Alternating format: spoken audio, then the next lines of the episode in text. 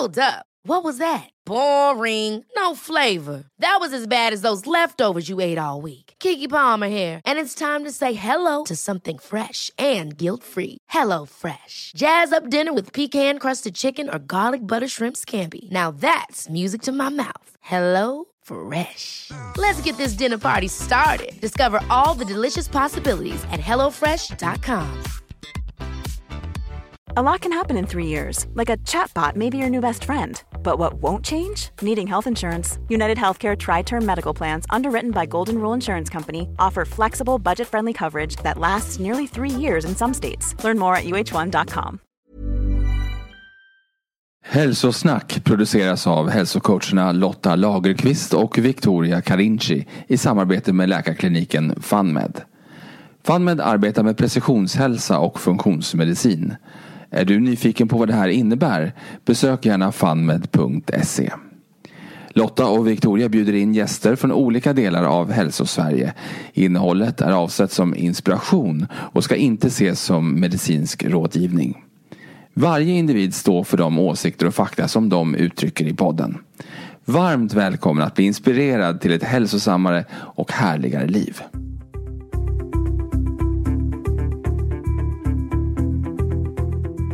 Hej Susanna och varmt, varmt välkommen till Hälsosnack. Hej, vad roligt att vara här.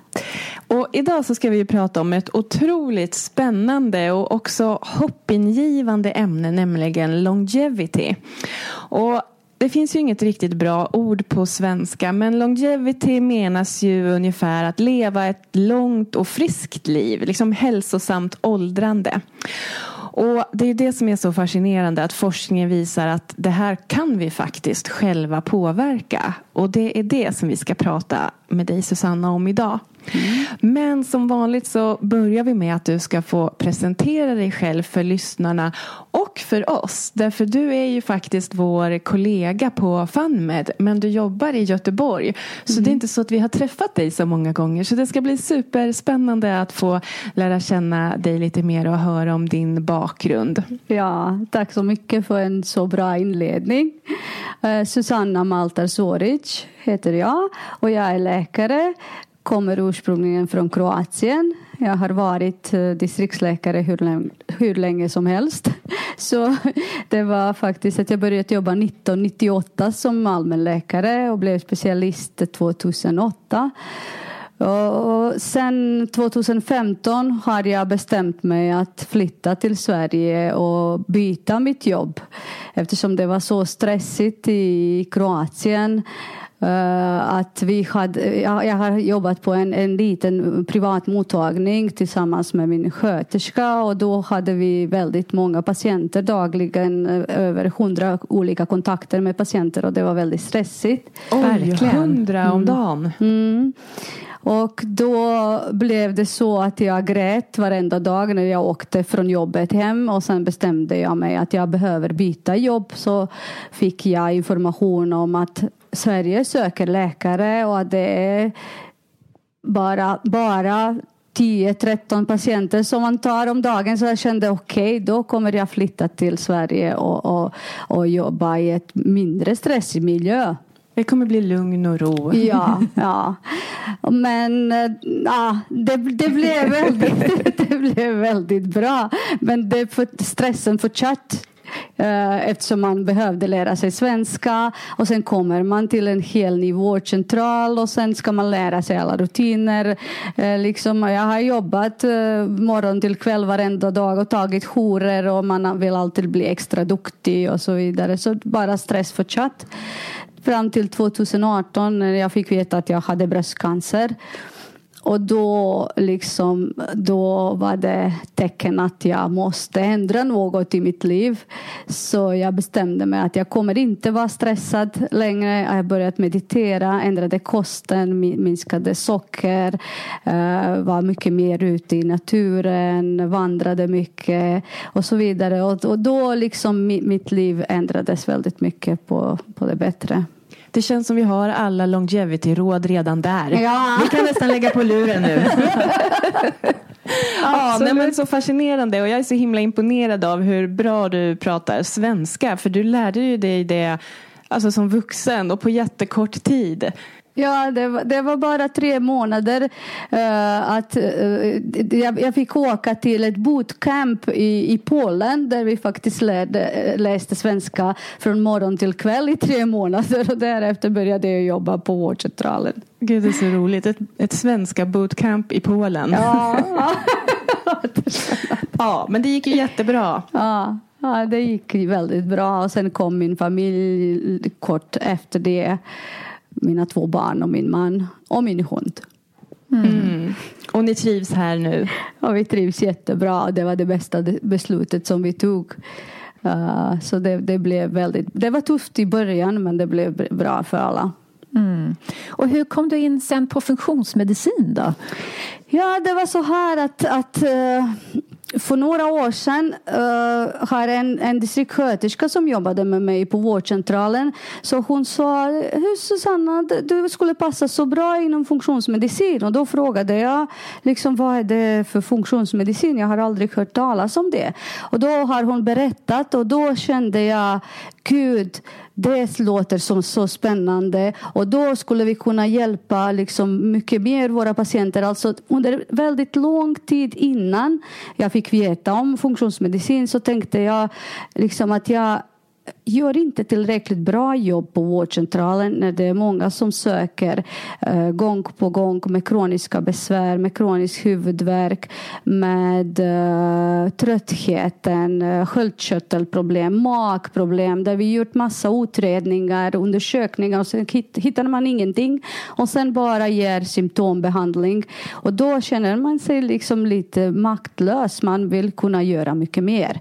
Och då när jag läste om funktionsmedicin så såg jag att det finns liksom sätt på hur, vil, vilken kan vi hjälpa patienterna mycket, mycket mer. Och det kändes så spännande och roligt så, så jag kontaktade Peter Martin och eh, då bokade vi möte. Och det gick ganska snabbt efter det att jag fick komma in och göra utbildningen på sex månader via FunMed Academy och sen började jag jobba på FunMed.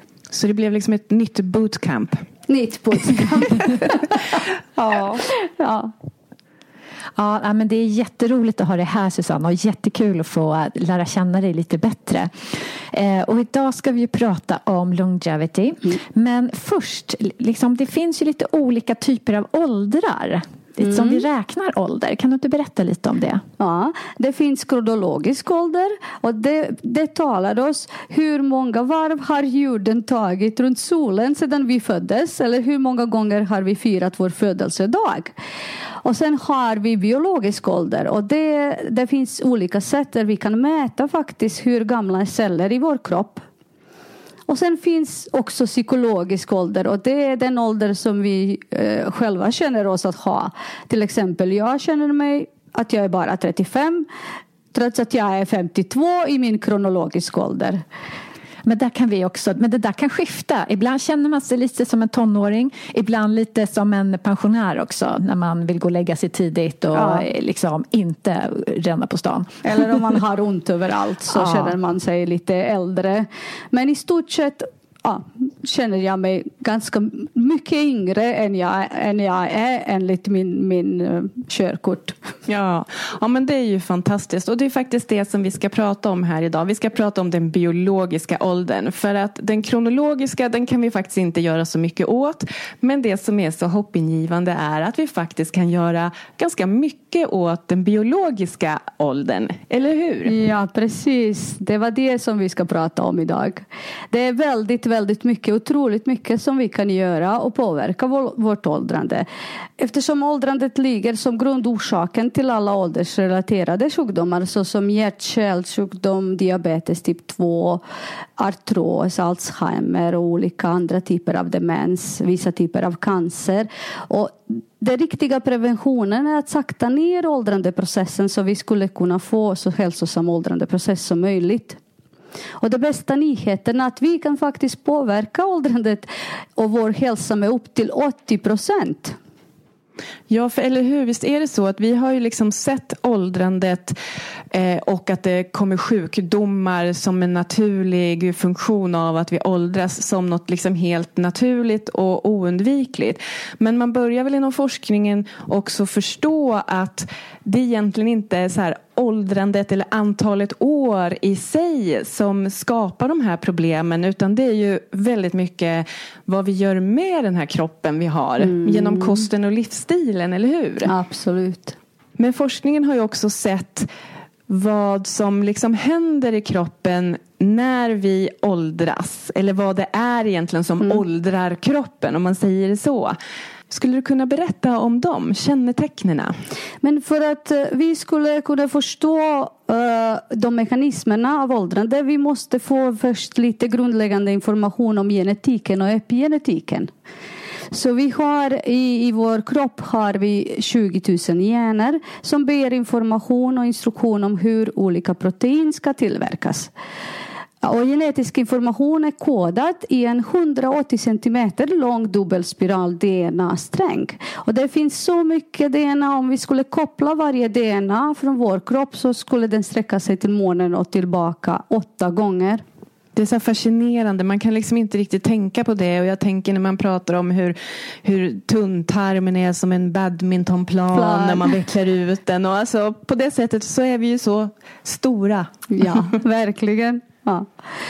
Och den DNA som vi pratat om den består också av fyra mindre kemiska enheter som kallas nukleotidbaser. Eh, de heter adenin, cytosin, timin och guanin. Och de är det kemiska alfabetet och bildar orden i vår genetiska bok. Just det, så det är de här A, C, T, G som ja, liksom på precis. olika sätt kombinerar ja, sig med varandra. Och all information består bara av dessa fyra bokstäver. Och sen DNA den är tajt packad och virad runt eh, proteiner som kallas för histoner. Och de attraherar varandra och bildar kromosomer. Vi har 46 kromosomer i varje cell. Och varje kromosom har två kopior, en från mamma och en från pappa. Då har vi 23 par kromosom. Och alla celler har exakt samma genetiska materialet men vi ändå har massa olika typer av celler som bildar massa olika vävnader i vår kropp. Och där kommer in epigenetiken som styr faktiskt vilka gener skulle bli aktiverade och vilka inte. Och på så sätt bestämmer att eh, en hjärncell ska se helt annorlunda ut än en hudcell eller en levercell. Så det är som en av och på-knapp som tänder eller släcker våra gener och bestämmer vilka är aktiva och vilka inte är det. Våra gener som vi fick från våra föräldrar bestämmer om vårt öde bara till 20 procent och det är epigenetiken som till 80 procent bestämmer hur friska och sjuka kommer vi att bli. Just det, och det är det där som är så otroligt viktigt att inse. För vi har liksom levt med att få höra så mycket. att Det är våra gener som bestämmer liksom hur vår hälsa ska bli om man får olika sjukdomar. I min släkt så går det hjärt och kärlsjukdom så det är typ det jag också kommer dö av. Att det liksom mm. inte finns så mycket att, att göra åt. Men nu så visar ju forskningen så tydligt att som du sa upp till 80 procent är faktiskt upp till hur vi äter och lever vårt liv som mm. då kan påverka och vilka gener som slås av eller slås mm. på. Ja, absolut. Så vi vet genom forskning att livsstilsfaktorer inklusive kost, träning, sömn, stress men också rökning eller alkoholkonsumtion alla påverkar den epigenetiska förmågan att kontrollera våra gener. Så vi kan ha en enorm inflytande över vår epigenetik och därför bestämmer hur vi ska åldras. Vi kan ha positiv inverkan genom att göra hälsosamma livsval eller negativ inverkan eftersom många hälsosamma val är korrelerade med högre åldrande. Men går det att mäta, för vi har ju pratat om den kronologiska åldern och den biologiska åldern. Går det att mäta den biologiska åldern? Ja, det går faktiskt eftersom det mest kända eller mest studerade epigenetiska processen kallas för metylering. Och då det är en process där man lägger metylgrupper till DNA för att aktivera genuttryck och eh, metylgrupp är en kolatom och tre väteatomer. Så den eh, läggs till DNA för att den ska bli aktiv. Och man, såg, man kunde fa faktiskt Eh, se specifika mönster i metyleringsprocess som ändras i samband med åldrandet. Och på så sätt har man utvecklat en statistisk modell som kunde mäta, förutspå hur gamla celler i vår kropp är. Och det är så kallad biologisk ålder. Och jag har faktiskt gjort en sån uh, test för biologisk ålder som visade att jag är några år yngre än min kronologiska ålder som var bra fast jag förväntade mig att jag kommer att bli mycket yngre än kronologisk ålder men det blev inte så.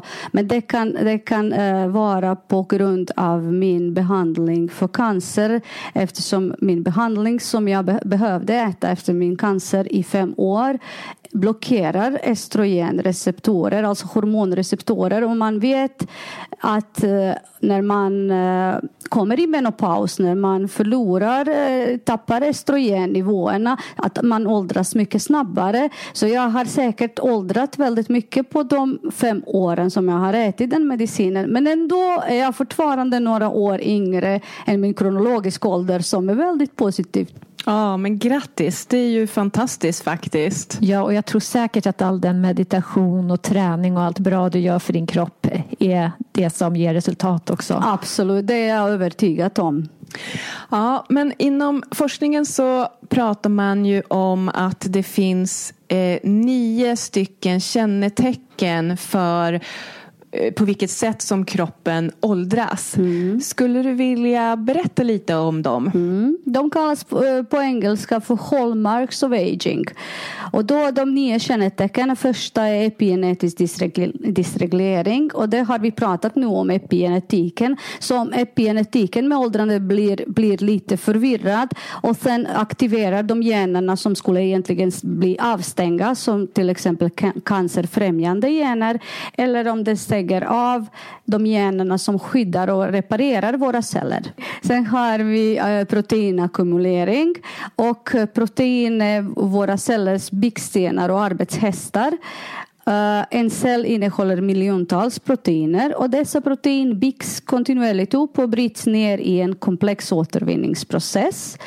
Men här och där bryts inte proteiner ner och börjar sitta kvar i cellerna och börjar klumpa ihop sig. Och denna ansamling av protein kallas för proteintoxicitet. Den är också en anledning varför vi åldras. Sen har vi mitokondriell dysfunktion. Och mitokondrierna är våra cellers kraftverk. De är små organeller eller celldelar som finns i varje cell. Och varje cell innehåller hundratals till tusentals mitokondrier där socker och fett förbränns till vatten och koldioxid under frigörande av energi. Och den energin lagras i form av uh, en molekyl av ATP adenosintrifosfat och den är en energirik nukleotid som består av en kvävebas, en sockermolekyl och tre fosfatgrupper. Just det, så ATP det hör man ju, det är vår energivaluta. Ja, Ja, precis. Och sen när vi har mycket energi, då har vi mycket ATP. Men när energi blir lågt, då har vi mycket AMP, adenosin monofosfat. Eftersom man fri, fri, frisätter energi med att tappa de två fosfatgrupperna. I alla fall mitokondrierna producerar eh, den energi som vi behöver för att leva och ju äldre vi blir så mer skadas mitokondrierna. Och det känns ju som det är ganska lätt att förstå att om vi har liksom lyckats producera mindre energi i kroppen då, då kommer ju liksom alla andra system bli lidande tänker man. De får inte den energi de behöver för Absolut. att göra sitt jobb. Ja. Därför det finns en förklaring varför vi blir också trött, tröttare när vi blir äldre. Mm. Därför är det till exempel träning väldigt viktig eftersom träningen är en sån kortvarig stress där eh, cellerna upplever en syrebrist och det stimulerar till bildning av mer och mer mitokondrier. Och desto mer vi tränar desto mer eh, mitokondrierna vi har och då tål vi ännu mer träning och blir mindre trötta till exempel. Fantastiskt. Eller hur? Fjärde mekanismen är förkortning av telomerer. Och telomererna är yttre ändarna av vårt DNA. De faktiskt eh, skyddar ändarna av vårt DNA för, att skadas. Precis som plastlocken i ändarna av våra skosnören skyddar dem från att rivas upp. Och för varje celldelning blir tel tel telomererna kortare och kortare tills de blir så korta att de kan inte skydda vårt DNA tillräckligt bra. Och här vet vi att eh, meditation funkar ju.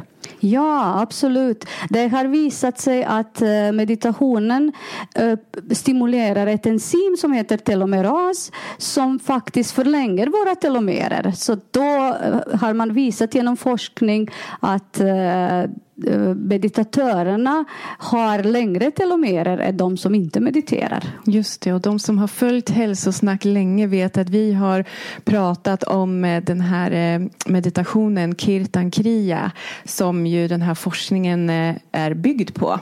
Ja. Så den kan man lära sig. Ja. Mm. Uh, sen har vi också något som heter tvärbindning av protein eller på engelska är det advanced glycation crosslinks. Och det, det betyder att uh, oftast är det socker som bindas uh, till proteinerna och orsakar att de blir sammanlimmade och då protein, proteiner tappar sin funktion och vävnader blir styvare. Till exempel om högt glukos binder sig till protein, den blir liksom som karamelliserat. Just det, och det är ju den här Maillard-effekten som man ser när man till exempel steker kött som gör att det blir det här bruna mm. på. Eller eh, när man har gräddat bröd och det blir den här skorpan som ju många tycker är det allra godaste. Ja. Men det är den här Maillard-effekten som gör proteinerna hårda. Och... Ja, precis. Ja. Och sen ett exempel från vården där vi mäter HbA1c och det är den långtidssocker som äh, mäter faktiskt hur mycket glukos som är faktiskt fysiskt bundet till protein hemoglobin som finns i röda blodceller. Just det. Just det, för då kan man se, har man haft högt blodsocker då binder det mycket glukosmolekyler på det här proteinet mm. och så mäter vi det. Mm. Mm. Och sen är det bra eftersom röda blodkroppar har en sån uh, kort, de lever liksom tre månader så den omsättningen av röda blodkroppar tillåter då att vi mäter liksom genomsnittssocker på tre månader. Smart. Sen har vi ett exempel där tvärbundet och sammanlimmat kollagen och elastin i hud bidrar till rynkor. Och det betyder helt enkelt att socker som vi äter kan bidra att vi får mer rynkor och ser äldre ut än vi är. Precis. Det, det, var faktiskt en av de anledningarna när jag för många år sedan slutade med socker. Det var rent estetiskt. estetiskt. ja. Sen kom alla de andra effekterna. Jag märkte också att jag blev mycket klarare i hjärnan av att Absolut. sluta med socker. Men ja. det är det här mm. fåfängan som leder vägen. Ja. Whatever works. Men sen har vi en annan sak som bidrar till rynkor och det är ansamling av senescent cells. Och senescent cells är sådana åldrande celler, eller vi kallas för zombieceller. De är tidigare friska celler som samlat på sig så mycket skador att de skulle ta livet av sig, aktivera något som heter apoptos, alltså programmerad celldöd. Men de gör det inte och de håller sig kvar och utsöndrar inflammatoriska ämnen som skadar de friska omgivande cellerna. Så de, de orsakar att de omgivande cellerna också blir infekterade och eh, zombifierande. Så på så sätt bildas mer och mer eh, zombieceller. Och de eh, eh, cellerna som ansamlas i huden då bidrar till rynkor. Men sen om de samlas i blodkärlen så orsakar att blodkärlen blir stelare och benägna att drabbas av åderförkalkning. Så jäkla skitceller helt enkelt, de här zombiecellerna. Ja. Det hör man det ordet ganska mycket i de här kretsarna och även eh, senescent som ju betyder åldrande. Ja. ja. Och sen eh, prat, pr pratar man mycket om senolytika.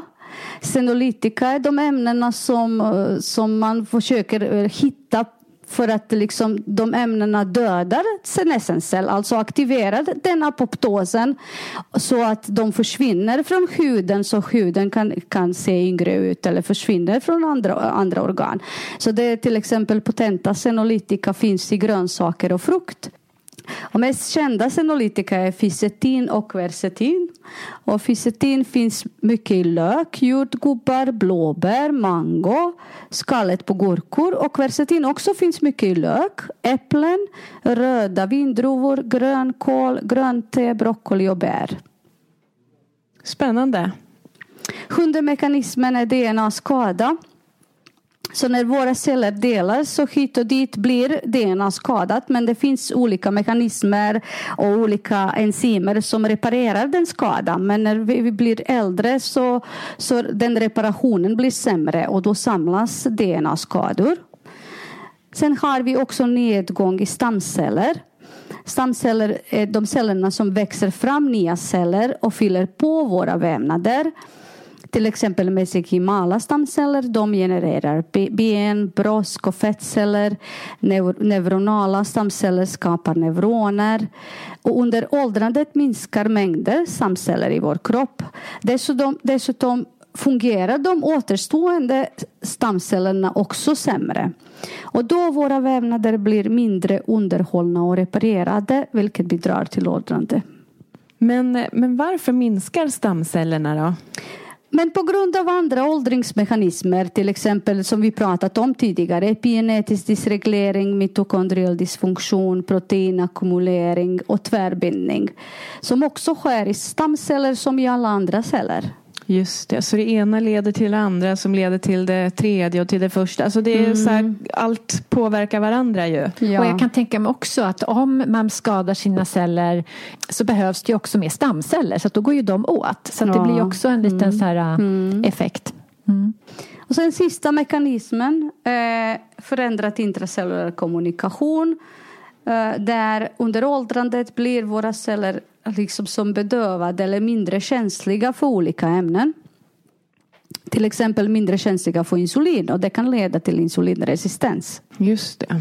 Så att när de har fått mycket stimuli av till exempel för högt blodsocker till sist så blir de lite ledsna och tröttna. Ja, bara, nej, nu, nu får ni knacka högre mm. nästa gång. Mm. Ja, men det är mycket som kan gå fel i kroppen. Så det, vi får ju inte deppa ihop oss nu. Vi har ju redan fått lite tips på vad man kan göra för att motverka det här.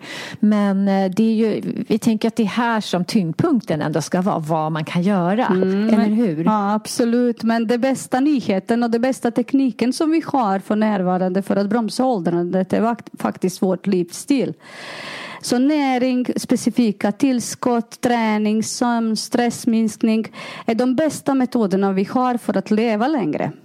Ja men eller hur. Det, det är också så här, för nu när du har gått igenom de här nio kännetecknen så det är ju ganska komplicerat. Mm. Det går ju liksom Det går ju inte att tänka på det här i sitt vardagsliv. Eller man, man kan behöver... inte sitta och tänka på sin metylering liksom, till frukost. Och, men det är ju det som är det bra också. Att man behöver inte förstå det här utan egentligen behöver man bara få goda råd kring eh, kost och livsstil. Ja, och precis. följa dem. Ja, precis. Och det är det vi behöver också för hela vårt samhälle, även om vi uppmuntras att se unga ut och det är liksom ungdomen hyllas i vårt samhälle mm. så är ju det andra, eh, liksom hur vi lever, hur våra liv är uppbyggda, hur våra samhällen är uppbyggda är ju inte på det här utan mm. vi måste hela tiden lite kämpa emot. Ja. Och sen viktigaste vad vi stoppar i oss. Så det är vi, i, i samhället är det viktigt att man liksom gör kosmetika kosmetiska ändringar, liksom behandlingar för att ändra, se yngre ut på utsidan. Men vi tänker aldrig vad vi stoppar i oss under dagen. Processat mat, eh, bekämpningsmedel, kemikalier, allt möjligt som orsakar att vi åldras. Mm. Mm. Och sen så rusar vi genom livet och vi, vi försöker få ut så mycket vi, vi kan av jobbet och mm. av fritiden och så. Mm. Så att vi blir utsatta för ja, både inre och yttre stress. Stress, ja. Mm.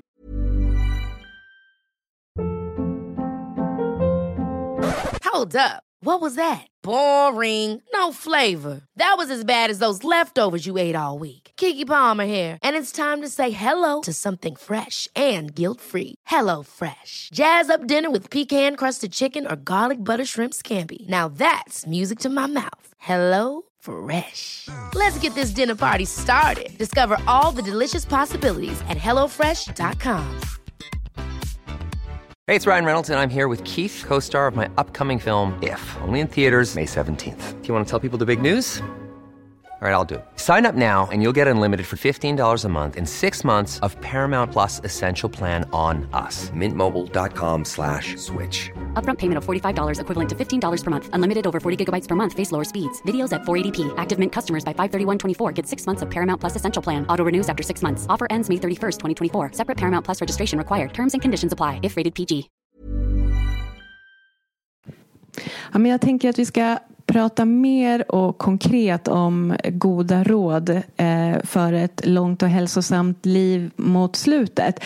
Men jag tänker att när man lyssnar på många av de här longevity-forskarna så lyfts det ju fram en hel del eh, detaljer då i, i forskningen som görs. Och det är liksom speciella gener som man pratar mycket om. Och så i kölvattnet av det så kommer en hel del specifika tillskott eller läkemedel. Och, och jag tänker att eh, det är ju såklart intressant men samtidigt så har vi över 20 000 gener då som du har pratat om som fungerar i liksom otroligt eh, eh, komplext samspel med både varandra och med miljön och med mikrobiomet och, och sådär. Så att på det sättet så känns, ju, känns det som att, att liksom djupa i ett fåtal gener blir kanske lite att titta i en lupp. Men det är ju såklart också viktigt för att förstå mer om de här mekanismerna och vad det är exakt som händer i kroppen. Men eh, skulle du kunna berätta lite om, för jag tänker att många tycker säkert att det är intressant också att höra lite om de här specifika så kallade longevity-generna. Ja, men såklart. Det, mesta, mest kända longevity-gener är mTOR, AMPK och sirtuiner. De alla samspelar med varandra och arbetar i ett nätverk och kanske mest kända är mTOR så jag kan berätta lite mer först om den. Tidigare eh, var namnet mammalian target of rapamycin men nu har man ändrat till Mekanistik target av rapamycin. Det är en longevity-gen som kodar protein som känner av nivåer av aminosyror, speciellt grenade aminosyrorna och nivåer av socker. Uh, i, i, musklerna är mTOR mer känslig för nivåer av aminosyror, framförallt leucin. Dock mTOR i levern och bukspottkörteln eller andra vävnader också är mycket mer känsligt över nivåer av socker och aktiveras mer av energiöverskott. Ja, så, den, så den känner av liksom lite näringsstatus i kroppen. Vad, vad, liksom, vad innebär det? Den känner av energinivåer i kroppen faktiskt. Och då om, om man får i sig protein till exempel, då aktiveras mTOR och då blir det eh, signal till kroppen för att den ska bygga muskler. Och som, det, detta är faktiskt bra när vi åldras eftersom vi förlorar muskelmassa och då kan det leda till olika fallskador, osteoporos och så vidare. Och i hälsosam åldrande är det viktigt att förebygga förlust av muskelmassa. Så den teorin att vi ska dra ner på intag av protein för att leva längre, det är ju fel.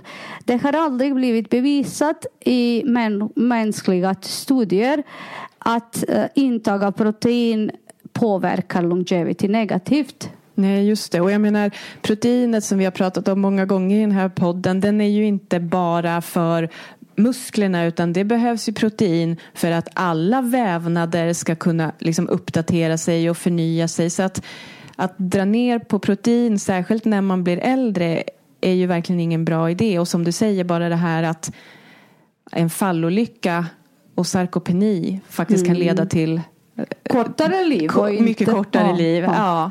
Men däremot om man tänker longevity så vill man undvika att aktivera mTOR i lever och andra organ med kalori, kaloriöverskott, intag av mycket kolhydrater och socker. Så kronisk stimulering av mTOR i vävnader med kaloriöverskott och socker påverkar longevity negativt faktiskt. Just det. Så att det är ändå en viktig gen att hålla koll på. Jag tycker att det är det åt båda hållen. Vi vill stimulera mTOR i muskler men vi vill hålla den stimuleringen nere i andra vävnader. Ja, precis, precis. Och sen har vi eh, nästa gen kallas för AMPK. Den, eh, det är för, förkortning för AMP-aktiverat kinas. Och den aktiveras av eh, AMP som, som orden säger. Och AMP har vi nämnt tidigare. Det är adenosinmonofosfat och det är den molekyl som har tappat två fosfatgrupper. Och det är ett tecken att energi i kroppen blivit lågt. Så faktiskt AMP-aktiverat kinas aktiveras av låga energinivåer och, och låga glukosnivåer. Och den gör att cellerna i vår kropp blir känsligare för insulin så att glukos kan lättare komma in i cellerna. Och den nedreglerar å ena sidan mTOR och å andra sidan aktiverar sirtuiner så de samarbetar med varandra. Men då tänker jag automatiskt på fasta när du pratar om den. Att fasta kan vara ett bra verktyg. Absolut. Eh, Fasta är en av, en av det bästa som vi har för, för, för longevity och för, för aktivering av AMPK. Och sirtuiner såklart. Men sen har vi också läkemedlet Metformin som används för behandling av diabetes som aktiverar AMPK och den ökar insulinkänslighet. Det är på gång en, sto en stor forskningsstudie som kallas TAME, Targeting Aging with Metformin, som kommer att testa om, om Metformin skulle kunna bromsa progression av ålder, åldersrelaterade kroniska sjukdomar såsom hjärt, kärlsjukdom, cancer och demens. Och det kommer att pågå i sex år och engagera över 3000 individer i åldrarna 65 till 79. Så det kommer att bli intressant eh, när vi får resultat om sex år om detta kan verkligen hjälpa till. Eftersom många studier har redan visat att Metformin kan göra det i, i, hos djur. Mm. Men det är ju här det blir intressant. Vi behöver ju faktiskt inte vänta i sex år utan genom att eh, äta mindre snabba kolhydrater och socker så kan vi ju själva på ett eh, väldigt enkelt sätt påverka den här genen, eller hur? Så vi sant. behöver inte ha ett läkemedel. Det är liksom inte metforminbrist vi lider av. Nej, nej, det är så sant. Eller hur? Ja. Ja. Och den tredje genen det är ju de här sirtuinerna. Ja, precis. Det är faktiskt en grupp av gener som består av sju stycken olika gener. Och de anses vara ganska centrala regulatörer för longevity. Och en intressant grej är att fasta och träning aktiverar sirtuiner. Det känns som att vi börjar se ett mönster. Ja, ja. Men det, det, det har varit väldigt het forskningsområde men alla forskare eh, håller med om att det är mest effektiva mekanismen att påverka åldrandet är intag av färre kalorier, alltså kalorirestriktion. Precis, fast inte på bekostnad då av muskelmassan. Nej, det kallas för kalorirestriktion med adekvat näring. Så det, det ska man, man ska tänka på att ändå få i sig all, all näring som är viktig, framförallt protein och sen är det andra vitaminer, mineraler. Men det tyckte jag var så väldigt bra ord där. För att periodisk fasta är ju väldigt populärt och det kan ju vara ett otroligt kraftfullt eh, verktyg för hälsa. Men ibland så upplever jag, eh, och ofta när jag träffar patienter och så här, att man, liksom, man har dragit ner nästan för mycket på maten. Att man kanske liksom plockar bort för många måltider. Så det här med adekvat näring, det är ju liksom ett, verkligen ett nyckelord. Så gärna fasta, Gärna ha längre uppehåll eh, från liksom kvällens sista mål mat till när man äter igen till exempel så att kroppen verkligen får vila. Men man måste ju fortfarande se till att man får i sig adekvat näring. Kroppen man- behöver ver- absolut. fortfarande all näring för att Mm. fungera optimalt. Absolut. Och det liksom allt handlar alltid om balansen, att man ska inte överdriva i någonting. Så även om man eh, drar ner för mycket på kaloriintag kan det inte bli bra. Det kan, det kan vara kontraeffekter när man får massa näringsbrister. Eller hur? Ja, och det är också lite där som man kan prata om inom longevity. Att, eh, ja, men hur länge vill vi leva och hur bra vill vi må? Liksom, att ja, vi kan fasta oss till eh, jätte, att leva länge, men vi vill ju må bra också. Ja, vi vill ha så bra livskvalitet som möjligt såklart. Ja, vi vill ju inte ramla omkull och bryta lårbenshalsen liksom, utan Nej. vi vill ju må så bra vi bara kan. Inte bara leva länge. Ja. Att vi andas och hjärtat slår. Ja, absolut. Därför pratar vi om health span och inte bara lifespan. Ja men eller hur. Det är ju också viktigt för att i samhället här nu så har vi ju lyckats de senaste årtiondena med att liksom förlänga livet. Men det är inte alltid som vi har lyckats få med liksom förlänga antalet hälsosamma år. Så det tycker jag också är väldigt bra på engelska när man pratar om liksom lifespan versus health span. att det är viktigt att tänka att det som vi vill förlänga det är ju health span.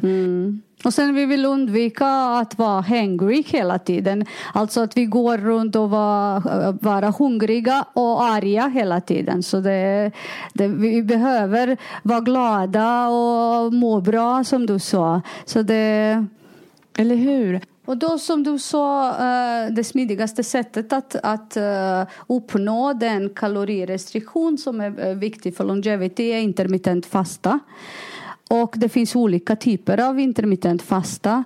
Så man kan fasta varannan dag eh, och det innebär att man äter låg nivå av kalorier eller inget alls på 24 timmar. Det kan vara varannan dag eller det kan vara 5-2 metoden där man eh, fastar två dagar i veckan. Och sen det mest kända är en så kallad time restricted feeding eller tidbegränsat äh, ätfönster där vi äh, äter bara under kanske 6 till 8 timmar per dag och sen fastar 16 till 18 timmar. Just det, det som kallas 16-8. 16-8 ja. Och, men för att få bra hälsoeffekter räcker om man börjar fasta bara 12 timmar under de natttimmarna. Och sen så småningom kan man öka ätfönstret. För jag tänker så här att bara att inte äta på kvällen eh, kommer man ju långt med. Ja, det, det är det viktigaste att undvika att inte äta två timmar före sänggående eftersom under natten eh, liksom kroppen måste återhämta sig och då är det inte bra att kroppen måste hålla på med matsmältningen. Då blir de eh, Ja men precis, för på natten så är det ju så här tajmat, det är olika saker som ska ske. Och då ska inte kroppen hålla på att smälta mat, Nej. för då störs de här. Ja. Och cellerna ska städas ur och allting.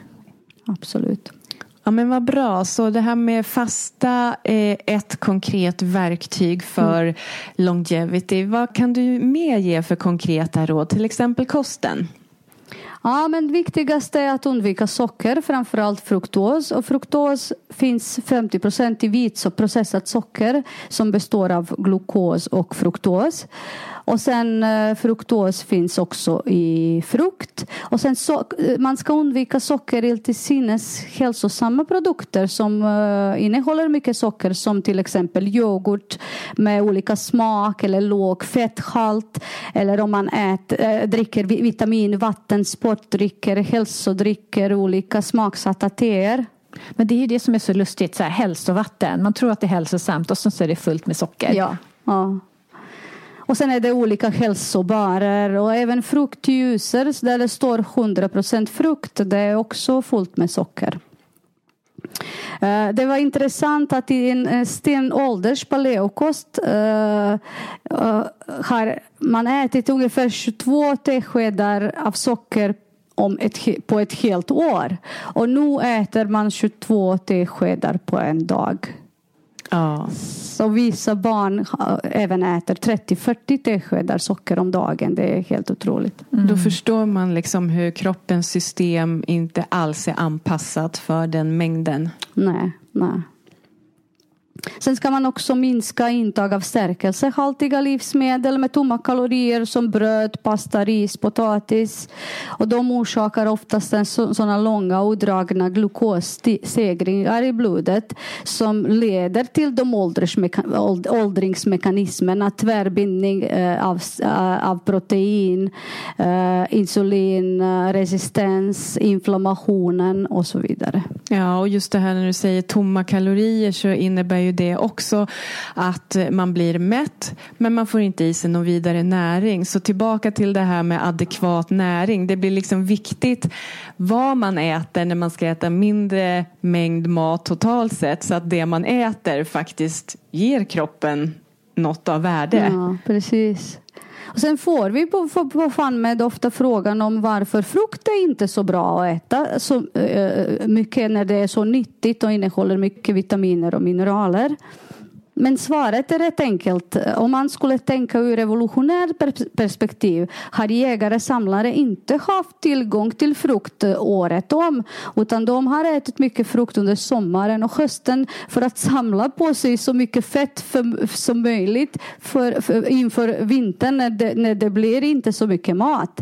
Och den genetiska anpassningen eh, har vi fortfarande kvar att vi lagrar fett när vi äter frukt fast nu till skillnaden att vi har tillgång till frukt hela året och äter hur mycket som helst. Precis, och frukterna ser ju inte ut som de gjorde heller på stenåldern. Nu är de mycket sötare och har mycket mer fruktkött. Så att, ehm, ja. Och såklart godare, men eh, det får man också ha i åtanke. Ja. Det, det, är mycket bättre att, att liksom få i sig uh, mer av långsamma kolhydrater som kommer från grönsaker eller rotfrukter, färska kryddor och så vidare. Sen är det viktigt att undvika mejerier. Så eftersom mjölk den stimulerar utsöndring av insulin, fettinlagring, insulinresistens och inflammation. Och den påskyndar åldrandet på många sätt. Även forskarna inom eh, longevity använder galaktos och galaktos är socker från mjölk eh, för att påskynda åldrandet hos försöksdjur för att studera åldrandet. Så mjölken hjälper en liten kalv för att växa snabbt till en stor ko så man kan föreställa sig hur många tillväxtmekanismer aktiverar mjölken. Om man skulle ändå äta mejerier då är det mycket bättre med de fetare mejeriprodukterna såsom smör, grädde eller ost. Ja men precis. Eller göra kefir. Det är vår nya hobby nu. Eller hur? Men det som är huvudprincipen som vi ska tänka på inom longevity är att hålla insulinnivåerna så låga som möjligt. Eftersom det är högt insulin så påskyddar, påskyndar åldrandet, orsakar insulinresistens och driver de kroniska sjukdomar såsom infarkt, demens och cancer. Vi ska också undvika ohälsosamma fetter såsom transfetter och omega-6 rika vegetabiliska oljor eh, som solrosolja, majsolja, margarin, sesamolja, majonnäs, färdiga saladdressingar och så vidare. Och där är det ju verkligen samma som har mycket processade kolhydrater har ju de här fetterna också. Ja. Samma typ av eh, processad mat. Mm. Och bra fetter är olivolja, avokado, avokadoolja, nötter och frön. Ehm, men sen är det mättat fett också från kokosolja och från animaliska källor som, som gräsbetat ghee, smör, ister eller talg. Och särskilt viktigt är kvaliteten på våra protein som vi intar eh, som kött, fisk, ägg. Så att vi äter gräsbetat kött av bra kvalitet, vildfisk, ägg från frigående höns och att vi undviker processat kött. Mm. Sen när vi pratar fisk är det viktigt att vi äter fisk med låg kvicksilverhalt såsom sardiner, makrill, lax och sill. Och huvudprincipen är att, att vi äter mat som bearbetats så lite som möjligt. Så det, det, är den maten som våra gamla farmor skulle känna igen och inte med massa innehåll, innehållsförteckning och ingredienser som man känner inte själv. För longevity är inte bra heller att dricka för mycket alkohol. Max kan det vara ett glas per dag, helst med al helt alkoholfria dagar. Och då kommer vi till något, ett, ett ämne eh, som är känt inom longevity och det är resveratrol som finns mycket i rött vin. Fast om vi skulle få i sig tillräckligt med resveratrol att det skulle påverka uh, vår liv, alltså längden på vårt liv så skulle vi behöva dricka kanske flera liter rött vin om dagen. Så det, det, det tar liksom ur, som... ut varandra det där om ja. man ska dricka lite vis med vin. Då blir inte det bra heller. Nej, eftersom alkoholen då är gift som, som motverkar kanske de goda effekterna som, som resveratrol har. Det kanske är så att reservatrolet är där i vinet för att liksom balansera upp det där enstaka glaset vin. Ja, absolut. Ja, jag kan hålla med det. Mm. Eh, så eh, viktigt är att tänka på mat som medicin. Jag brukar säga eat your food as medicine otherwise you'll have to eat medicine as your food. Mm. Eller hur? Mm. Det är tillbaka lite till det där metforminet och ja, den där studien. Ja, ja. Och sen är det mat, det enda medicinen som man tar varenda dag, flera gånger om dagen. Det finns inte sån medicin som man skulle liksom ta så ofta. Så det är väldigt det viktigaste att tänka på vad man, vad man stoppar i sig. Ja men eller hur, för det är ju något som vi varje dag. Det är ju mm. flera ton mat under en mm. livstid. det är vi... faktiskt 40 till 50 000 kilo som vi stoppar i oss genom en liv, livslängd livslängd. Mm.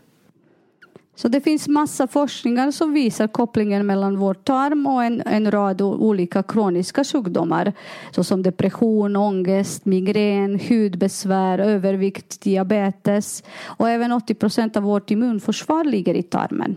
Vi kommer aldrig undan. Det är alltid tarm, mage-tarm är med ja. vad vi än pratar om. Ja, precis. Uh, vi har till och med ett och ett halvt kilo bakterier i vår tjocktarm. Och mikrobiomet, de bakterierna som finns i tjocktarm, är regulator av många av våra kroppsfunktioner. Vår immunsystem, mitokondriefunktion, hjärnfunktion, inflammationsnivåer, produktion av vitaminer och mineraler och även avgiftning. Vissa forskningar har visat att, att eh, en tredjedel till en halva av alla metaboliter som man hittar i vår blodcirkulation kommer från mikroberna från vår tarm.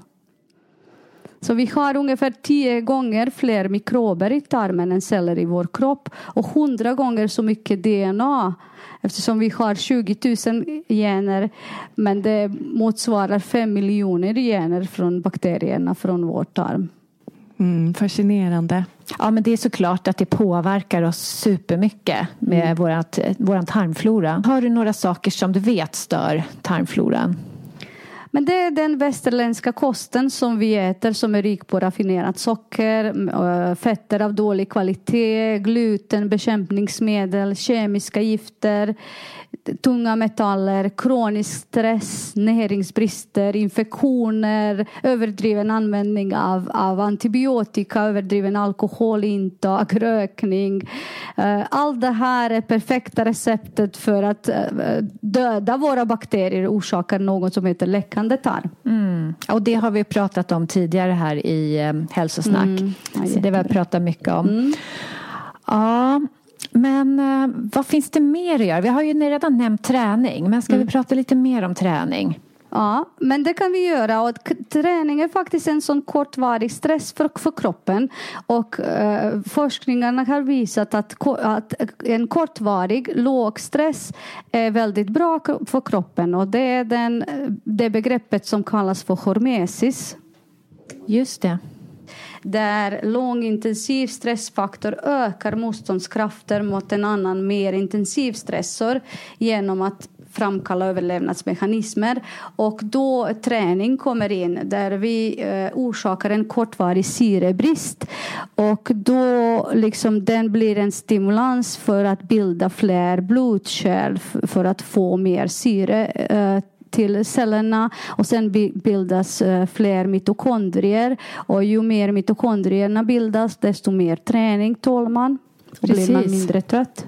Eller hur? Och så ju mer träning man klarar desto större muskler kan man bygga och ju desto mer muskler man bygger desto insulinkänsligare blir man. Absolut. Så att eh, det är ju, och minska risken för att göra sig illa när man faller eller överhuvudtaget falla när man blir äldre. Ja, och återigen till vårt samhälle. Vårt samhälle är ju inte gjort för att vi ska röra oss heller. Utan vi är ju så bekväma nu för tiden. Ja, och det är den bekvämlighet som orsakar att våra försvarsmekanismer blir nedreglerade. Så vi, vi eh, nu för tiden sitter vi hela dagarna, äter hela dagarna, vi är aldrig eh, kalla eller hungriga. Så våra försvars eller överlevnadsmekanismer är nedreglerade. Ja, det där sa ju någonting också. Vi är aldrig kalla. För att kyla är ju också en sån här äh, snabb stressor som kan stärka oss. Ja, det är den hormesis idén att, att den stressor, alltså kyla eller att bada bastu, alltså värme å andra sidan, aktiverar de, de, de, de är låg, låga nivåer av stress, stress som aktiverar de, de överlevnadsmekanismerna. Mm. Så att på stenåldern, om man klarade sig alltså, förbi en viss ålder, om man inte dog i en infektion eller blev uppäten av en tiger eller så, då levde man ju faktiskt ganska mm. länge ändå. Ja, precis. Och det är nu för tiden de långvariga kroniska stressen som är farlig för oss, som orsakar eh, eh, höga nivåer av kortisol, som ökar nivåer av blodsocker, som orsakar insulinresistens och inflammation och snabbare åldrande. Mm. Ja, och det här finns det ju jättemycket att säga. Är det någonting mer du vill prata om just livsstil? Ja, men jag tänker sömnen är också en sån här viktig eh, punkt. Mm, sömnen är extremt viktig eftersom sömnbrist eh, eh, det är bevisat att den leder till accelererat åldrande och högre risk även för åldersrelaterade sjukdomar som diabetes och Alzheimers. Så det är väldigt viktigt att få tillräckligt med sömn, att man eh, får eh, de timmarna före midnatt som är väldigt viktiga. Och sen en minskning av nattliga sömnperioderna så lite som en och en halv timme eh, kan orsaka minskning av vakenhet under dagen, dagtid med mer än 30 procent. Mm. Ja.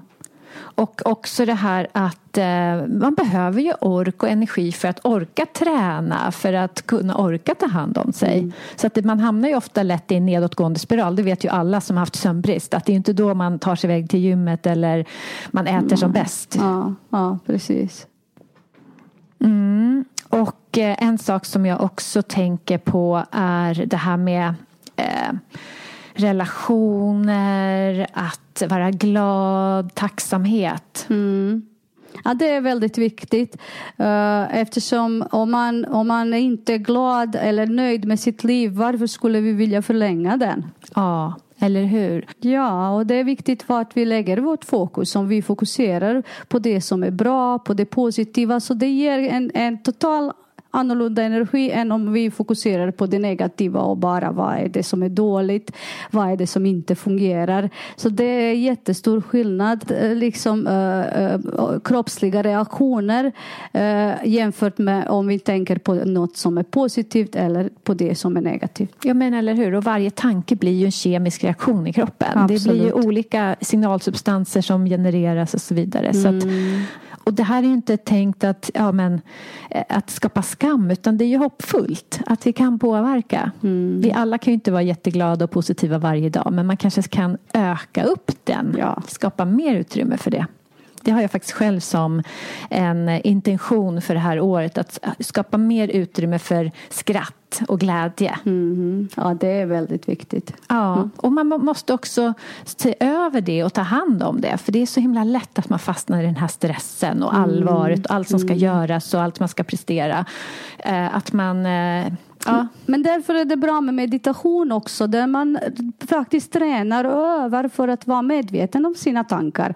Bara att registrera att man börjat i den spiralen, negativa tankar och sen påminna sig själv liksom att, att uh, gå inte vidare utan ändra fokus på det, på, på, det positiva. Ja men verkligen och bara observera, så här är det. Det är mm. verkligen bra eller dåligt, så här mm. är det bara. Mm. Mm. och när man början. accepterar så går det. Liksom om man, man är ledsen eller mår inte bra den dagen och man är bara medveten om och accepterar detta så går det också snabbare över. Ja, men så himla bra. Stort tack Susanna att du kom hit och pratade om det här. Och det här ämnet är ju så stort och brett och du har ju liksom nämnt så många saker. Och varje sak skulle man kunna prata eller göra ett avsnitt om Ja. i princip. Så att det blir ju väldigt övergripande. Ja. Eh, men också väldigt hoppfullt tycker jag. Ja, men tack eh, för denna tiden och Vi har faktiskt två frågor kvar som du Jaha. ska få svara på. En har du kanske redan svarat på, vi får se. Men det här är två frågor som vi ställer till alla våra gäster. Och den första är om eh, du har en daglig rutin som du gör varje dag som får dig att må bra, som du skulle vilja dela med dig av. Ja, gärna.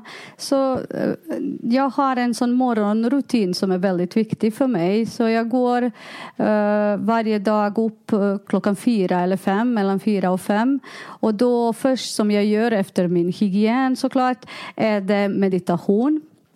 Hur länge Så- sitter du då? Då, det, det, jag aldrig sätter någon tid för meditation. Så jag sätter mig, ibland blir det bara 10 minuter, ibland blir det 45 minuter. Men jag, jag vill inte liksom, tidigare har jag haft klockan och sen när klockan uh, plingar så, så blir man bara stressad och kommer ut. Så, jag har bestämt mig att det, det, det får det ta den tid som det tar för den dagen. Så det, det är inte någon bestämd tid. Mm. Sen fortsätter jag med en halvtimme av en, en, en, en träningsprogram som jag gjort för mig, som, för mig själv. Uh, med lite stretching också, uh, vikter och så vidare. Uh, och sen efter det brukar jag läsa alltid en, eller, en timme ungefär att lära, försöka lära sig något nytt eftersom att träna hjärnan är också väldigt viktigt för longevity. Just det. Hjärnan är som muskel. Om man inte tränar hjärnan så försvinner den. Och sen går jag ut halvtimme eh, med, på en promenad med min hund och därefter är jag redo för dagen. Ja, vilken härlig start. Och Susanna, om man bara får göra en sak för sin hälsa, vad tycker du att man ska göra då?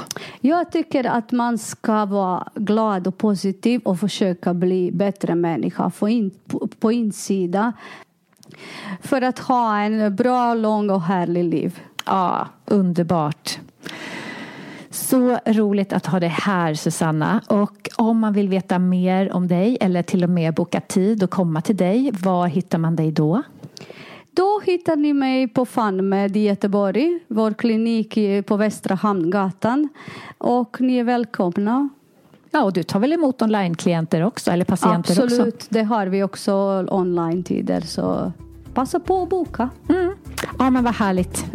Tack så jättemycket för att du kom till Hälsosnack. Tack så mycket. Tack så mycket.